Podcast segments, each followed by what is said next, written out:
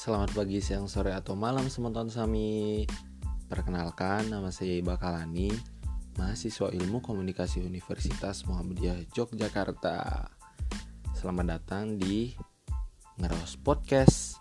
Nah, sementon Pada podcast kali ini, saya akan membahas tentang teknologi penyiaran nih. Seperti yang kalian tahu, teknologi adalah sebuah sarana untuk menyediakan barang-barang yang diperlukan bagi kelangsungan dan kenyamanan hidup manusia. Sedangkan penyiaran adalah pendistribusian muatan audio atau video kepada pemirsa yang tersebar melalui berbagai medium komunikasi massa, namun umumnya menggunakan spektrum elektromagnetik. Perkembangan teknologi sangat mempengaruhi perkembangan dalam penyiaran Perkembangan teknologi digital merupakan salah satu perkembangan teknologi yang membawa perubahan signifikan dalam dunia penyiaran. Salah satu perkembangan teknologi yang paling berpengaruh adalah perkembangan teknologi digital. Dengan digitalisasi, industri televisi dan konten telah dan akan semakin berubah total. Selain itu, perkembangan teknologi juga memungkinkan individu menyiarkan berbagai konten melalui YouTube, podcast, dan berperangkat media sosial lainnya, sehingga penyiaran dapat dengan mudah dilakukan. Berbeda dengan YouTube yang telah dilakukan oleh banyak orang, dengan podcast maka dapat dilakukan siaran radio oleh perorangan.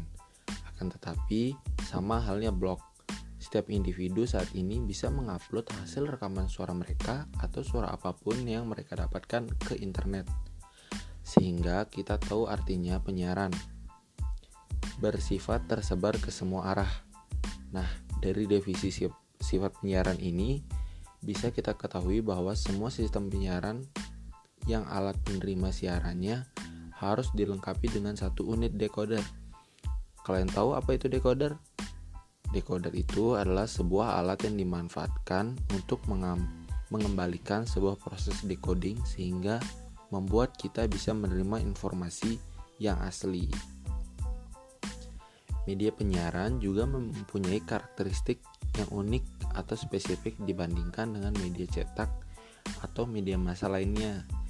Melalui media penyiaran, informasi dapat diterima pemirsa secara langsung atau disebut dengan real time atau live. Semua kejadian atau peristiwa dapat secara langsung pada saat yang sama didengar, dilihat oleh pendengar, pemirsa dengan cakupan populasi yang sangat luas dan efektif. Tetapi, informasi yang disampaikan oleh media penyiaran sudah langsung berlalu dan tidak dapat berulang lagi kecuali memang disiarkan ulang. Sementara pada media cetak, informasi yang diberikan masih dapat dibaca kembali, di mana dan kapan saja. Nah, segitu aja penjelasan teknologi penyiaran dari saya. Semoga bermanfaat ya, semeton. See you.